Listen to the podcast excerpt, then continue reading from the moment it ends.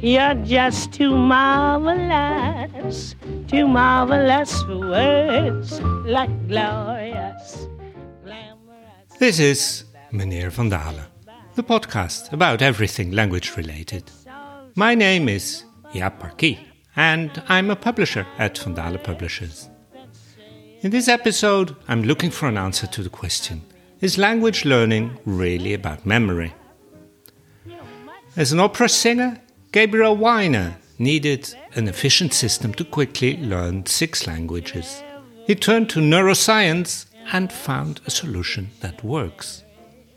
I struggled a lot learning Hebrew vocabulary until I found out about Gabriel's book Fluent Forever, or as it's called in Dutch, the Taalhacker. His system changed everything for me. Gabe has been my hero since, and I'm a little starstruck to have him on this podcast. Glorious, glamorous, that old stand by amorous. It's all so wonderful. Okay, welcome, Gabriel. Thank you for having me. So the question today is: um, Is language learning essentially about memory rather than maybe skill or talent? So, like, I, believe that answer is yes. Um, I think that the the data in terms of like this idea of talent, uh, I think most people kind of associate this this initial like language learning skill that we seem to seem to lose as we grow up with children. Like, there's this sense of okay, well, children have this talent, obviously, but we all lose that thing. But the the data seems to support that a adults learn faster than children when they have the same amount of time. Um, meaning when you're not comparing yourself to kids who have 15,000 hours of exposure because they spent every hour of their lives waking lives in this particular language. Uh, when you have kids who are who are newer to the language, adults will learn faster. But I think the second thing that's I think much more interesting is that adults actually learn in the same way. Um, that when you have second language learners who make mistakes and like what like the pattern of their mistakes and the pattern with which they master a language in terms of which parts come naturally and they just are like oh i'm going to say this um, it actually mat- it, roughly matches the stages with which uh, children acquire language. That like children for instance will acquire at least in english's case um, they'll acquire imperfect uh, not imperfect um, irregular verb tenses uh, like the irregular past things like that. I bought it instead of you know I, I jumped this ed thing in english. Um, they'll get this idea of I, I bought it i ate it things like that earlier than they'll get the regular past even though the Yes. regular past is a simpler construction. And yet adults do the exact same thing when it comes to the language that flies out of their mouths when they don't have any time to think about it. Uh, and so if adults are matching the stages with chil- that the children are and adults also uh, like whenever you you really match for time learn faster than children then adults have all that skill set. Like we all possess that skill set. We all have that like talent for language. And then the real issue is well okay well what's why is it so hard then? Uh, and for me the answer to that really comes down to memory. It comes down to well there's a lot of data out there that you're trying to cram into your head. How do you how do you retain it in a way that if i need to spend a year doing this that's a long time to forget. I have a whole year to forget information because i'm not like a children a child. I'm not immersed in this language. I don't have it being spoken to me 24 hours or whatever 16 hours a day when i'm awake. So barring that if i don't have someone reminding me about the language every single hour of every single day then how do i make sure that the stuff i learned today sticks with me one year in the future Yes. So you're basically saying what we need to think about, what we need to realize is you're not in you're not in a full immersion situation very often. What can you do? How That- should our approach be different? That that is Yeah. the the hard point. And Yeah. that's that's the thing you're really engineering for when it comes down to language learning as an adult is that we we don't have time. It's it's just engineering around the fact that our schedules are busy more than anything else. Yeah. So you've done a lot of that engineering. That has been the, the project of the last 12 years, I guess. Yeah. yeah. what did you find out? Um, uh, that that language, in some sense, is just like anything else in terms of learning. Like it, the, the the language learning problem is, It's special and it's not special. On some level, we learn all information in the same way. Our brains process information and they dump out other information. And so, figuring out what are the filters that make it so that we forget things and re- forget some things and remember other things, like that's the same in language as it is for math or geography or anything. Um, and so, there's a commonality across all learning that is interesting and important to understand if you're really going to get information in your head, regardless of what that information is. And then also, uh, language is special in that it's um, there's a few barriers to entry that are kind of unique to that problem. In math, you don't have to deal with the fact that things sound strange and unfamiliar. Uh, and so there is a pronunciation, or more importantly, an ear training problem that happens right at the start of learning a language uh, that is unique to that thing. You don't have to deal with, you know, I don't even understand what this sounds like in geometry or something like that. Like that's not a problem in that subject, um, but it is in language. And so uh, the pronunciation and ear training issues that show up in language are unique to that problem.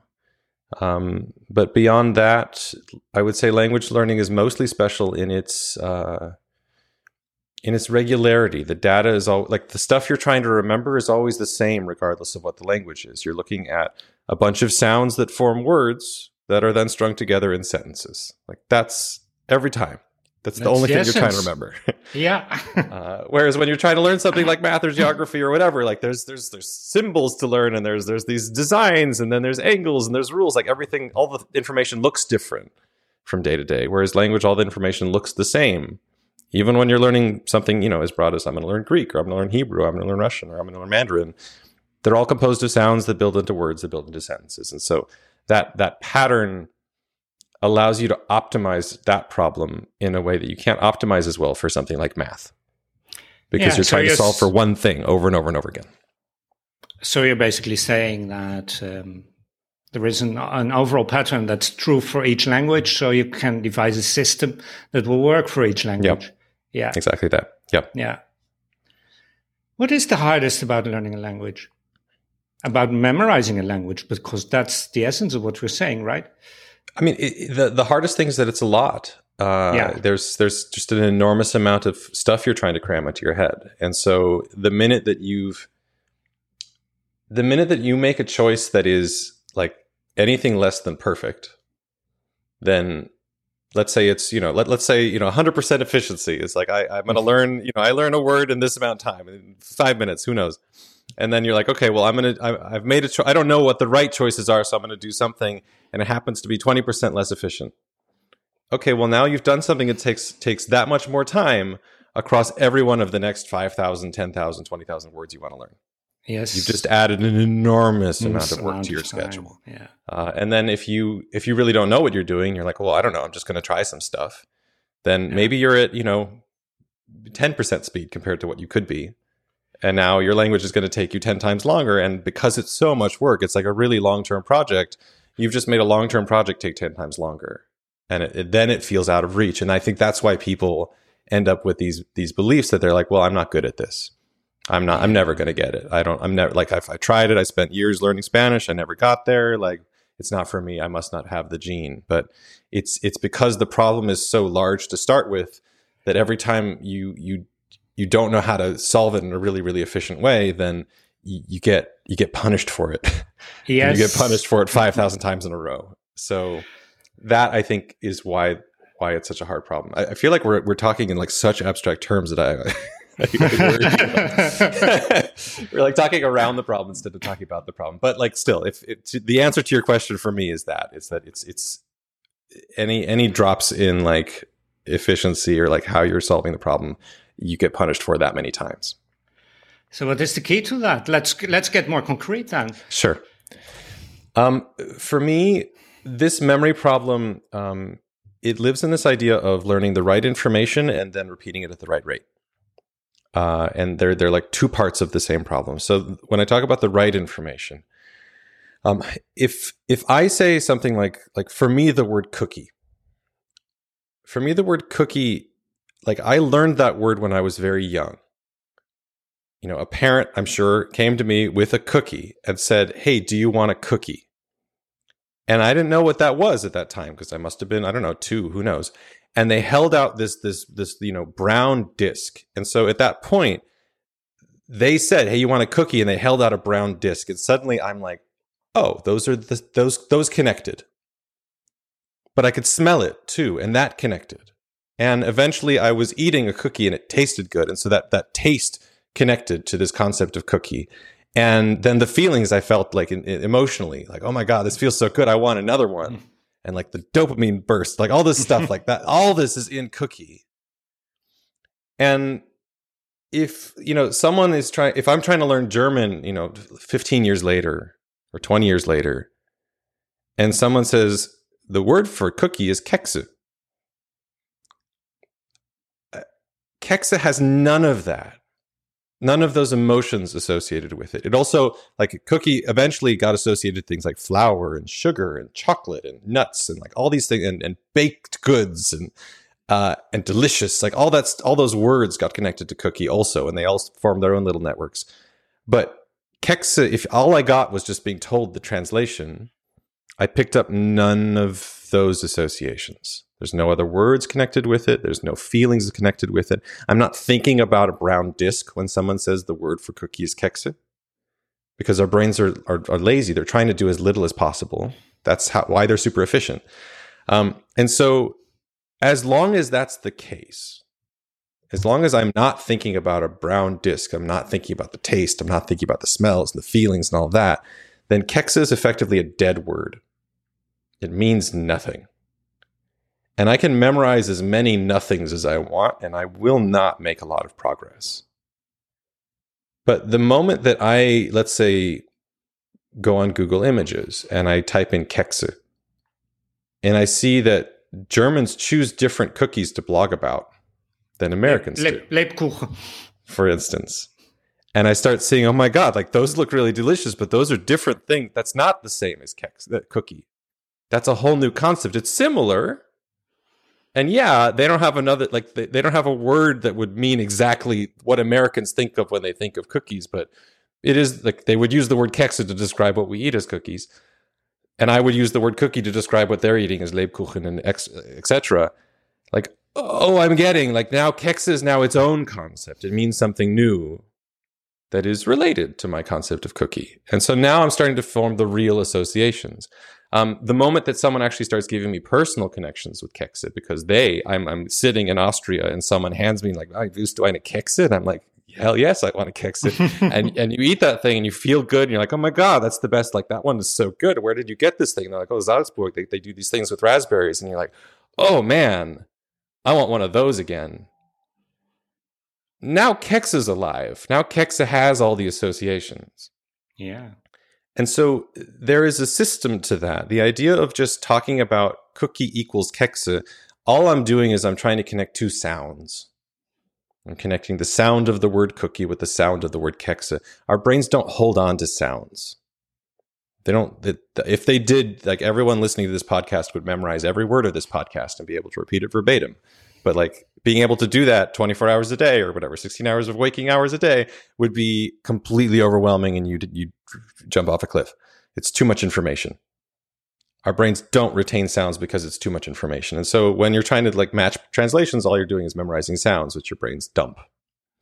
The moment that you start saying, "Oh, Keks is a thing that has like flour in it, or like has, has like looks brown and like uh, has all these other word associations," now you're living in the world of, of, of imagery. You're living in the world of this is a real concept. This is a real object that we retain. And then the moment you step one step further and you're like, do you like this kekse? What do you think about? What do you feel when you eat this kekse? What's the last time you've had a kekse?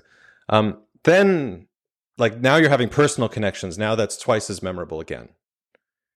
And so, if you can make sure that your content stays at the very least in this imagery place, but ideally in this personal place where you, are like, why, why do I care about this word? What is, what does this word mean to me? What are, the, what are my past memories that connect to this new word? Then all of that content starts becoming very, very memorable. It's sticky every time. And like, that's the style of content that we all learned as children. We never, no one explained to us the translations of some words. Uh, we were always dealing in personal connections. We were building them right from the start. Uh, and so if you're learning that really, really memorable information, these, these personal connections to words, then uh, you can start going into this. Okay, well, I'm still going to forget everything eventually. Like you, you're, we always sort of are constantly forgetting things, uh, even when it's very memorable information. Um, can I give myself reminders of these personal connections? And so that's where things like, you know, using flashcards and stuff, that's where those can come into play and can become really powerful tools that kids don't have access to because they're too young and they don't know how to use learning tools. And so when you have a flashcard, for instance, that doesn't just tr- quiz you on a translation, but says, Hey, do you remember that time that you had, you know, a Kekse last week? And you're like, I sure do. And then it's, you know, a month later, it says, Hey, you remember that time a month ago you had a Kekse? And you're like, Yeah, I do. I remember that time then you're ingraining personal connections. You're ingraining the most meaty and, and amazing of memories, and you're you're digging that into your long term memory rather than some kind of superficial thing like Kekse equals cookie. Uh, and so everything that I do tends to be about how do I ramp up how many senses, how many emotions, how many whatever I can connect to this particular new concept. And then how do I jam that into a system, ideally a computerized flashcard system because they're the most efficient, that will remind me about all of those connections I just spent all that time building.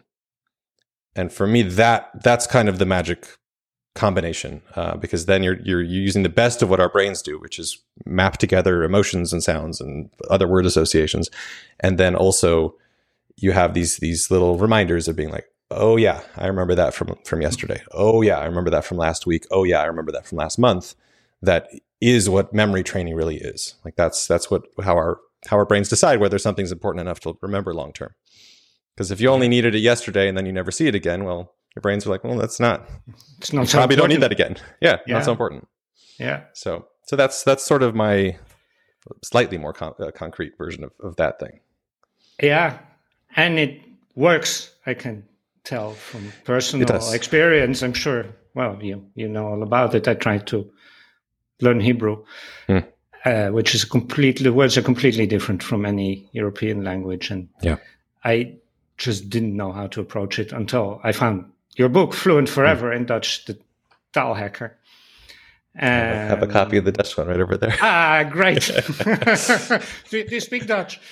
I don't, but I um, because of German, it's interesting. Yes. I, I didn't realize how mutually intelligible they were and until I, I, got to spend some time in the Netherlands, and I'm like, wait, I can understand what people are saying. This is neat. I usually yeah. make the joke that um, German is really a dialect of Dutch. German people this is fair. Yes. Usually don't don't usually like my joke, but I found it a bit harder with abstract words. How do you mm. use them? Abstract words are the the tools with which you tell stories. I think the like it's really really easy to say, okay, well, what does you know Kekse look like? Let's get a picture of Kekse on Google Images. Poof, we're done. It's likable. Um, it it is. I mean, it feels yeah. good. All that. It's super yeah. super clear, and it's why I have people start there because it gets them a feel for the system. Sure. But um, abstract words are are not all that far from there, um, in the sense that when I have, let's say, you know, a sentence like this: "This book was written by by me. You know, if I want to use a personal connection, I'm holding up this book that I wrote. Like this book was written by me. Um, what does the word "by" look like? Like that doesn't. It's it's an abstract concept. By doesn't look like anything. I can look on Google Images. If I look for by, I find garbage. Like there's nothing there. No. But it's the tool that lets me tell that story. The book was written blank me and I'm holding up my own book. Like I, I need something to connect those two concepts. Yeah. The book, there's the book, and there's me. And how do I show that this isn't just owned by me or this is you know sitting next to me? But no, this was by me. I did it. By is the thing that allows me to have that level of like, this was mine. I put years into this thing. And so when you have a story that you're trying to tell, a concept, a thought that you want to tell, um, what by looks like is an image of me holding my book and saying the book is blank me. Or it's you know if it's this is a, am you know i'm standing by the bus because i'm waiting to go to the beach later this this afternoon and i'm standing by the bus stop. Like this is a picture of of a bus. Yeah. And you know i'm standing blank the bus Uh, or it's a picture of me looking at my watch and near a bus stop or something like that. And it's like there's, uh, or it's a picture of the beach that I want to go to and like the Google map that says, you know, where I'm going. And then it X, like there's, there's so many different ways that you can paint the same story. Yeah. And there's and the always point, ways to make a lot of associations. Absolutely. They just have to yeah. be yours. And that's actually, yeah. I think, one of the most essential pieces is that uh, you know, me holding my own book and saying this book is blank me and having that picture, like that's a fine picture for me, but me just sending that picture to someone else, it doesn't work. No. Me like having a picture of a bus stop and saying I'm standing blank the bus, like how do I know I'm standing by the bus instead of behind the bus or towards the bus or in the street? Like I made that association. Yeah. And then I took a I, I I chose a picture that reminds me of that association. Yeah. And it's it's that first step. It's the me making the association and being like, here is a story. I want to tell the story of I'm standing by the bus, let's say.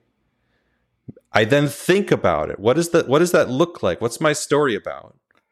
And in this process of imagining this thing of I'm I'm I'm okay, there's a bus, I need to get to the beach. Like this is the only way I'm going to do it, and I have to wait for the bus. Where am I going to be standing? I'm standing by the bus.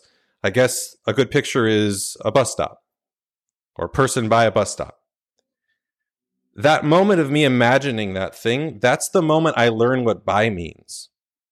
That's the moment that I built up all the associations that that weren't just, you know, like this equals that, some translation, but that, that's the moment that I actually built the memory the first time. Yeah. When I looked for the picture, that was me reinforcing that memory. And I went on Google and I was like, person standing by bus, because I just wanted to find some image like that. That's me building up that memory even further and then the moment I dump that onto a flashcard, that's me creating a, a, a, reminder of that whole learning experience. The flashcard isn't the learning. Me sending that flashcard to someone else doesn't work because they're they're not they don't get to repeat my experience of building it. No. And so it's these these building processes that are that are the moment where you actually create the memory and these flashcards are like a bonus. Uh, yes. It's why, like, when we're in school and, and we prepare for tests, and like, you know, you have one person in the class who, who spends a week building a study guide, and then everyone else copies their study guide. Everyone else doesn't do well in the test, and the first person never looks at their study guide because they never yeah. needed to. Uh, yeah. But if that person were to look at their study guide, you know, a month later, they'd be able to pull back everything that whole week that they put into it, yeah, um, and and refresh it. And so, like the the power is in making it. Yeah, it's not in in the actual thing that you the remnant that you have afterwards yeah i get that there are um, a lot of um, good language teachers hmm. that also listen to this podcast mm-hmm. but from my experience learning words gets relatively little attention in language hmm. classes why do you think that is I think there is a I think teachers get an unfair burden on them, uh, and I think it's it's a mix of like it's it's cultural. It's about a misunderstanding of how learning works. Like there's a lot of pieces to it, but um, I think there is a sense of students arrive in a classroom and they look at a teacher and they're like, "Cool, do it to me. I'm ready. Maybe I'm ready. I'm tired today, but like, just do it to me. Make me make me fluent." I, I paid you for it. I paid you for it. I put the money down. Your job is to make me fluent. Exactly yeah. that. There's this. I think part of it really is the money, frankly, um, and uh, like just how transactional relationships work. And like I think that's an aspect of it. But people put down the money. They sit in the classroom and they're like, "Go, perform for me until I'm fluent." And it is impossible to do that. It's an impossible task to, to, give the teacher that task because the the hard work is if you're gonna if you're gonna learn a language, you have to do the work of imagining what it looks like to stand by the bus. You have to like that takes effort. You deciding what by looks like takes effort, and the teacher can't give it to you. No. And so if you're going to be sitting there in front of the teacher and saying, "Well, do it to me," then well, what are they supposed to do? They can't make you think. The only thing they really can do is walk you through something.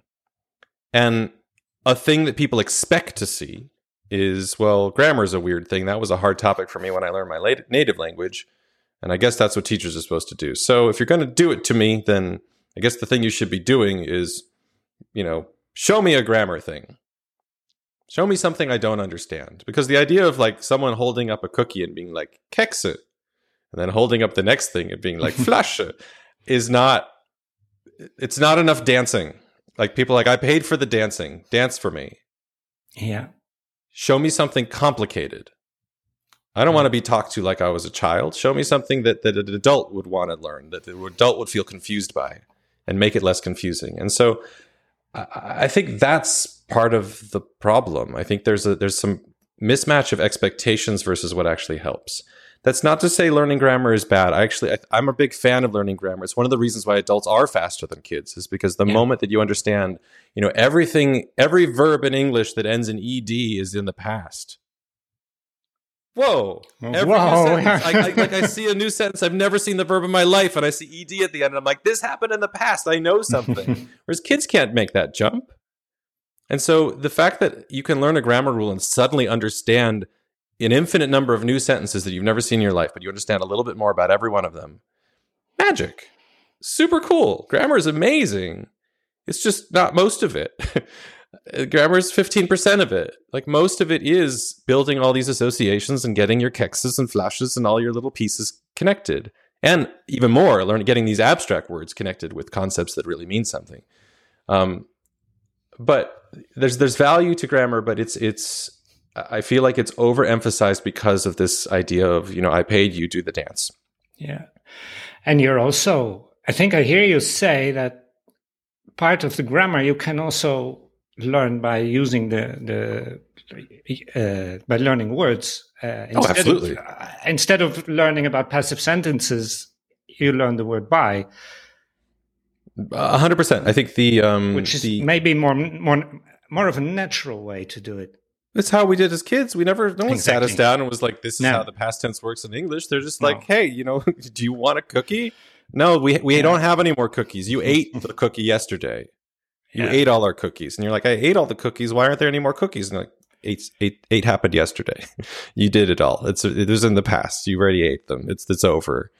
And you pick up a sense of the past tense because there's no cookies in front of you, and you're upset. Yeah. Like that's how you naturally learn the past tense is being upset that there's no more cookies. Yeah. Not it's over. someone was- that it's over. It happened. Yeah. It's done. Yeah. Or like tomorrow we're gonna get some cookies, and you're like, oh, but I don't have any now, and like you, you pick up this idea that oh, it's gonna it's coming, and you get excited.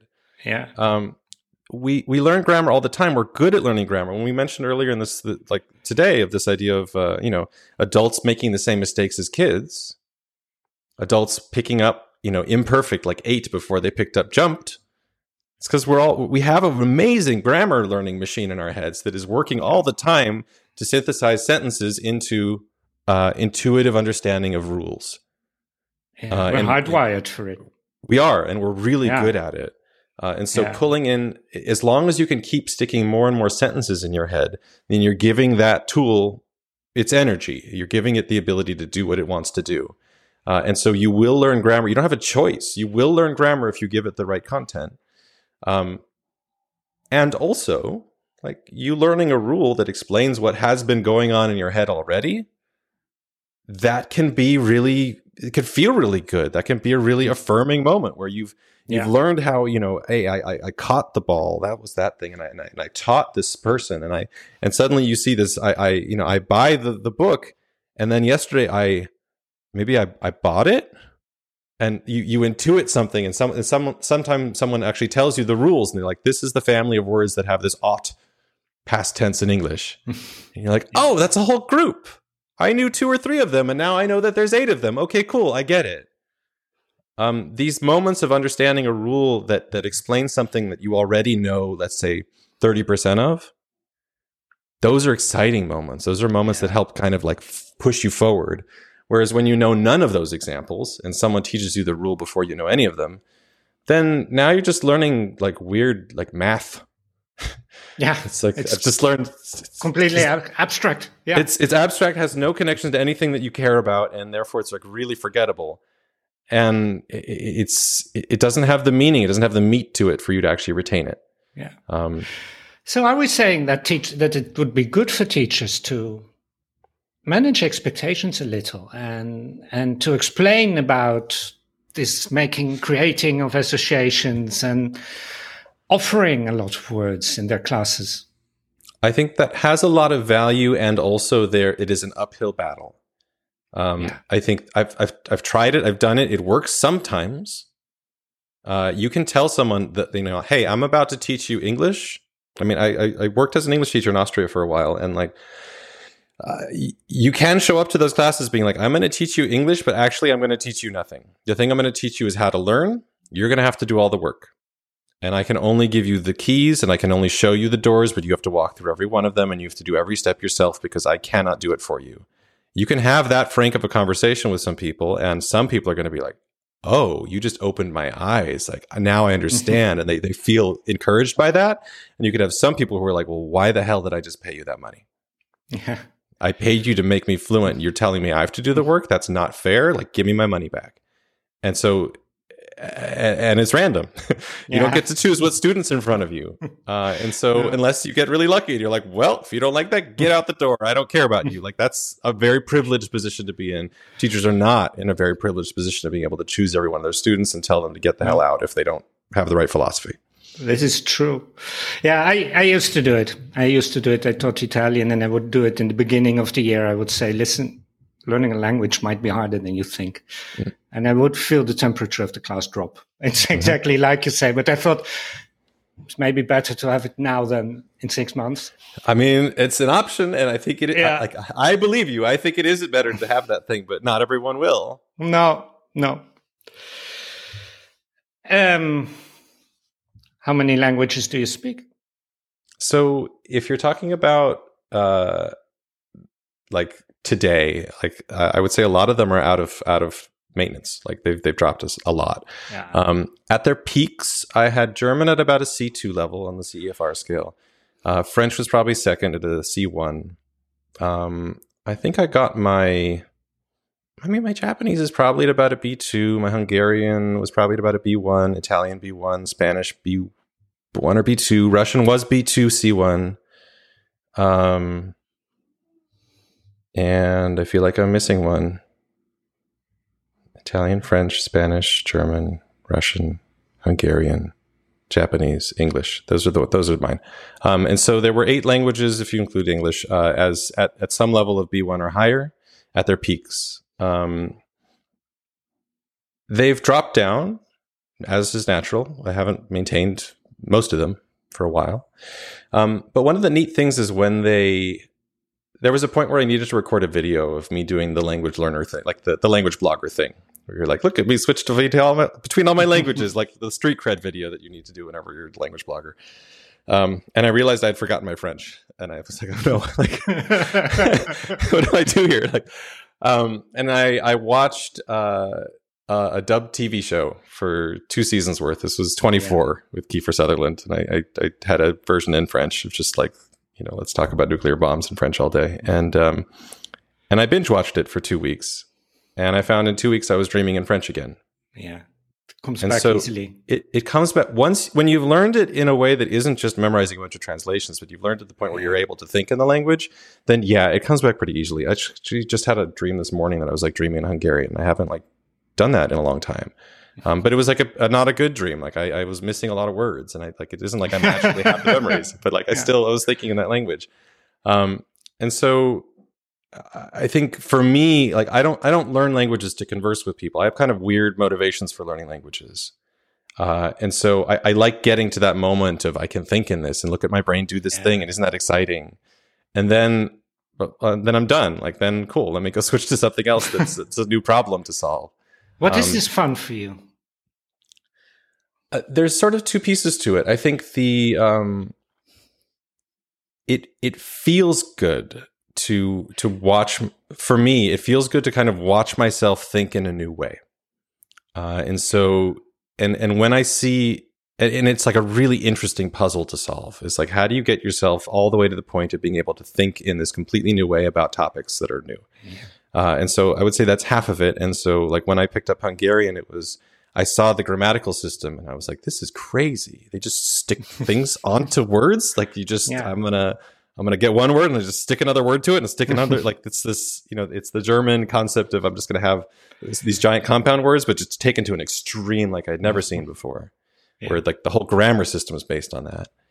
Um, and I thought that'd be a neat way to think. Like, Yeah. is that is that possible? And It opens is. up your it opens up your brain. Yeah, and so like Yeah. that feeling is neat. Uh, and I guess the second thing is um, languages expose a they expose an aspect of your personality uh, that is unique to the time that you're learning them. Um, that that like for instance, the, the strongest one I have of these is Italian. Like Italian's one of my weakest languages, but I learned it in Italy. I learned it in Perugia, right in this like beautiful, beautiful town in the, one of the most beautiful parts of the country. Every weekend we would go to like we would go on a train and just go find some amazing food somewhere else. And so we would like travel to Rome for the weekend, we travel to Cinque Terre for the weekend. Like we just go everywhere. It was one of the most beautiful and amazing summers of my life. The Italian people are glorious people. Like it's just it's such an amazing country. And so like gelato is a word for ice cream, but no it isn't. Gelato is is the word for for like the most delicious like strawberries I've had in my life sitting next to, you know, this this this little shop in Rome.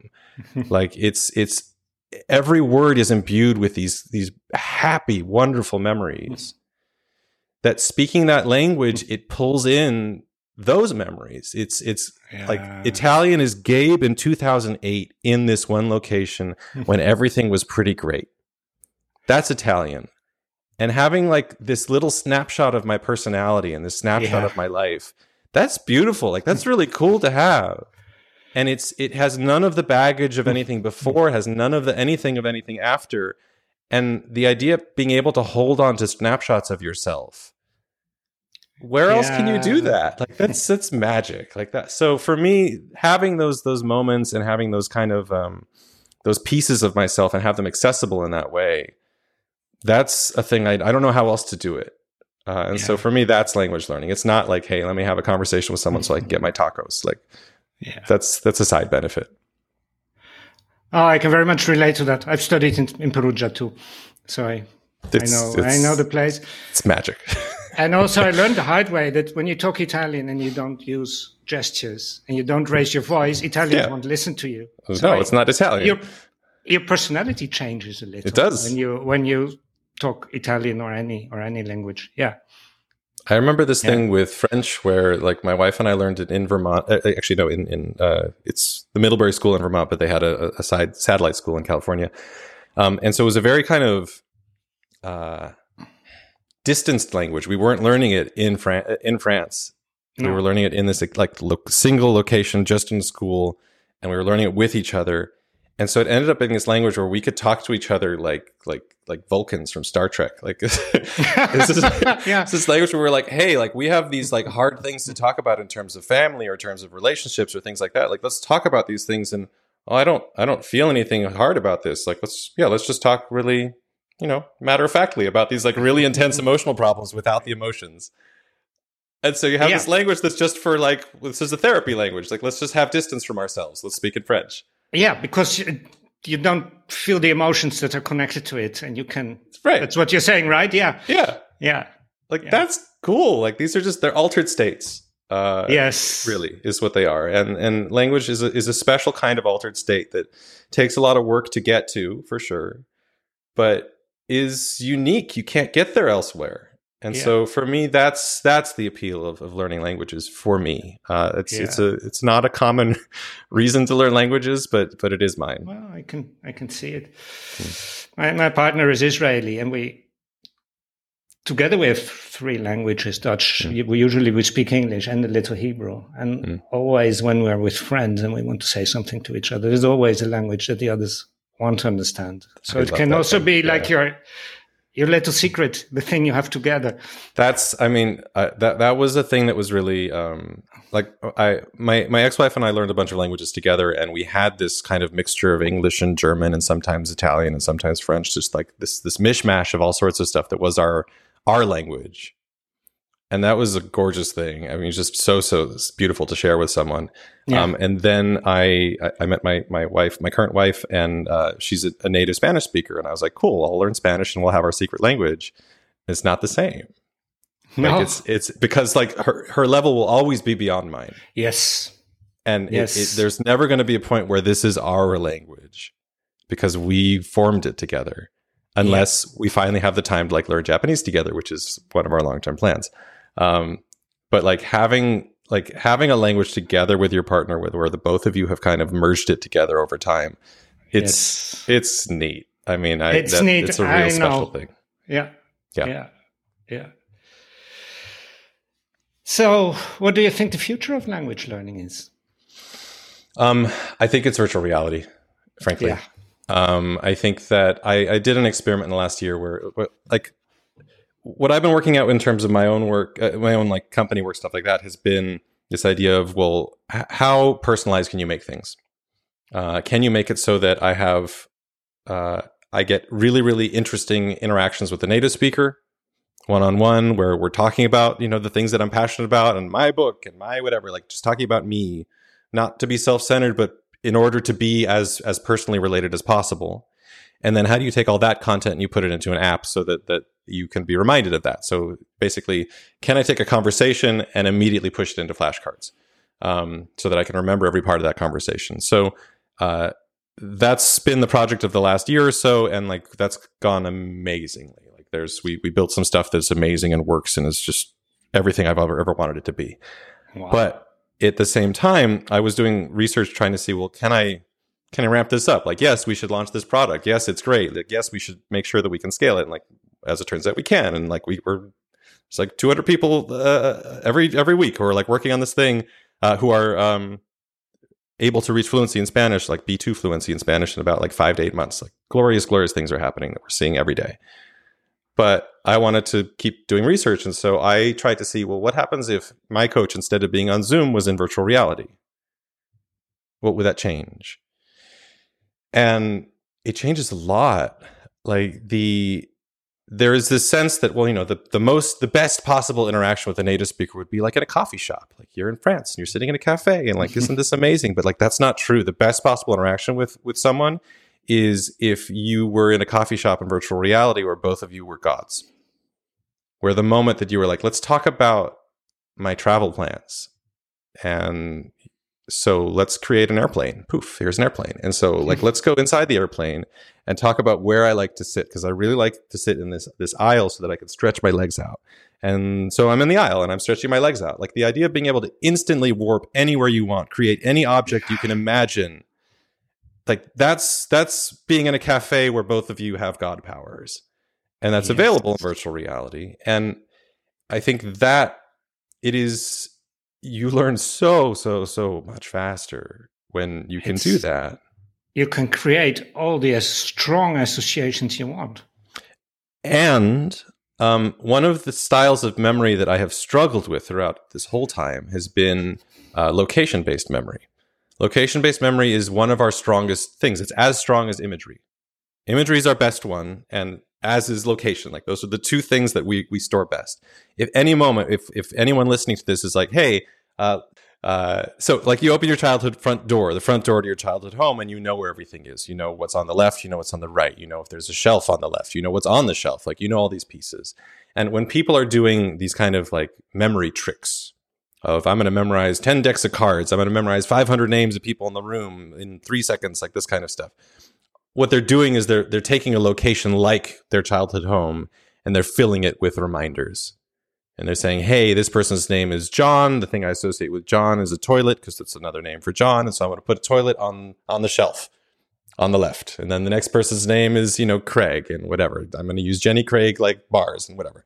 So they have these these these really rapid image associations and they put them in locations. Um, that's a great tool for memorizing giant lists, but for language learning, you're not learning lists. And the separations that those locations do are actually damaging. The moment that you put the dog over here and you put the cat over, you know, you know, over in, in the the aisle that over there that you put the all the c words, then dogs don't associate with cats. You've just severed that connection and it, it broke the, the system. Uh, and so I've seen this amazing style of memory and I'm like, I can't use it. it's, it's sad. It feels like a Yeah. missed opportunity. but in virtual reality, you absolutely can. Because if it were the case that we were having, let's say, you know, we were in a class together, but instead of showing up to the same classroom every day, we show up here in this location, in this forest. And then tomorrow, when we learn more things, we go 10 feet that way down the forest. And then the next day we go another 10 feet that way. And we're, we're one, we're having a journey, a physical journey through space while we're learning something over time. Then when I ask you, Hey, when did we learn about dogs? You're like, Oh, that was three trees, three trees ago. Yeah. That was over there. We learned about dogs because the dog was right next to that tree and like was was whatever peeing next to the tree.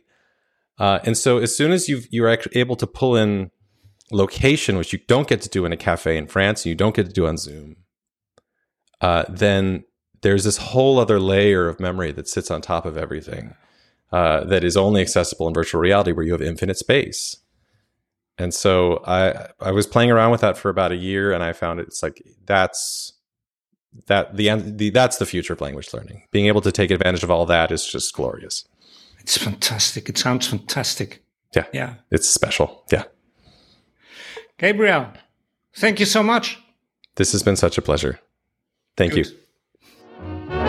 too marvelous for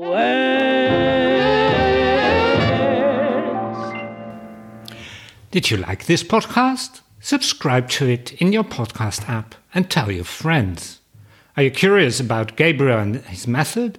Have a look at his website, fluent-forever.com. You can also find information there about working with a coach that will dramatically supercharge your language journey.